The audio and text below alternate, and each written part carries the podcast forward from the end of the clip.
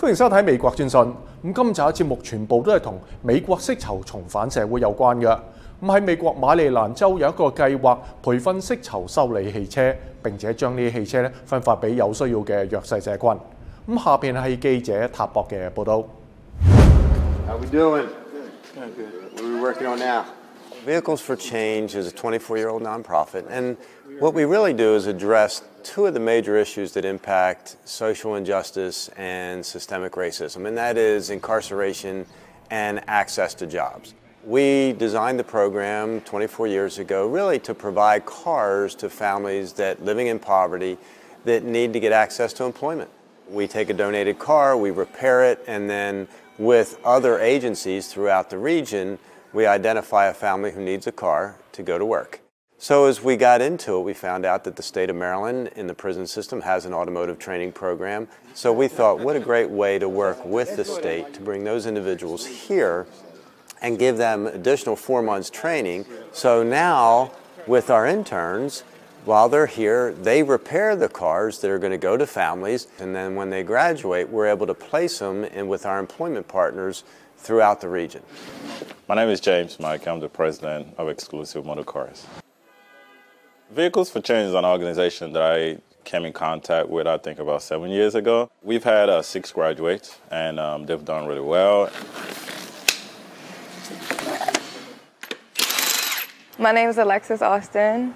I'm a part of Exclusive Motor Cars. So when I tell people I'm a mechanic, they're just amazed. Like they never actually seen a woman get into a car like I do. I learned about this program while in prison, and it was at a time where um, just didn't really know what to do with my life. It's a training facility, and if you don't know anything about cars, it teaches you from the ground up, beginning with how to change a tire and a battery and uh, just the basics. So my name's Anna Metzger, and I'm an intern here at Vehicles for Change. I mean, as soon as you walk in the door, it says a program of second chances, and for me, it really was a second chance. Folks coming out of incarceration make very, very good employees. Vehicles for Change provided the technical and the emotional skills for me to thrive in my community and just be a better person, be a stronger person, a stronger woman. 剧本创作同戏剧制作为一名喺监狱度过咗十七年嘅加州男子咧，提供咗一个新嘅机会。 咁下邊係記者奧沙利文嘅介紹。巴茨克斯同荷里活资深演員兼舞台劇製作人蓋爾利合作，喺羅比劇院學習製作基礎戲劇製作。該劇院由蓋爾利同荷里活资深演員丹尼格洛佛共同創立。劇院嘅靈感嚟自歌手、演員同活動家羅柏森，佢代表少數族裔同工人向觀眾提出挑戰。And old Man River, he'll just keep rolling. Hopefully, the kind of work we do presents things that way, that stimulates, that triggers, that causes our audiences to have a conversation. 呢个世界同巴斯克斯过去二十年大部分时间所生活嘅世界截然不同。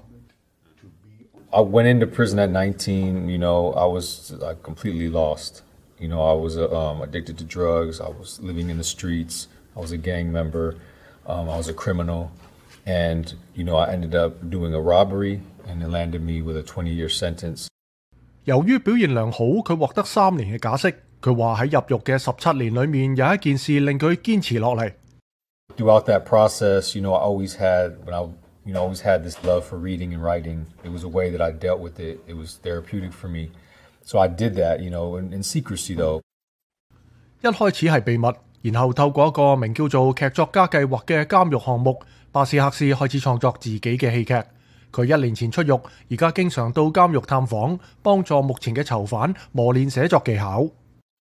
Being able to like channel some of that those thoughts that, that's in your head all day every day when you're in prison. You know, those dreams, those wishes, those things that you want, you can bring those to life through your characters and through your ideas.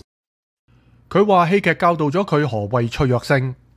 You have to get outside of your comfort zone, you know, and I think that it's in those moments that a lot of change occurs. 实习嘅赞助组织话，好似巴斯克斯呢一类嘅更生人士，可以透过同专业演员、导演同其他艺术家一齐工作，学习工作技能。 develop a professional network. And really, we're hoping to help them along a path to sustainable employment within the creative economy. 同佢嘅导师一齐喺剧院或者可能喺荷里活电影业工作。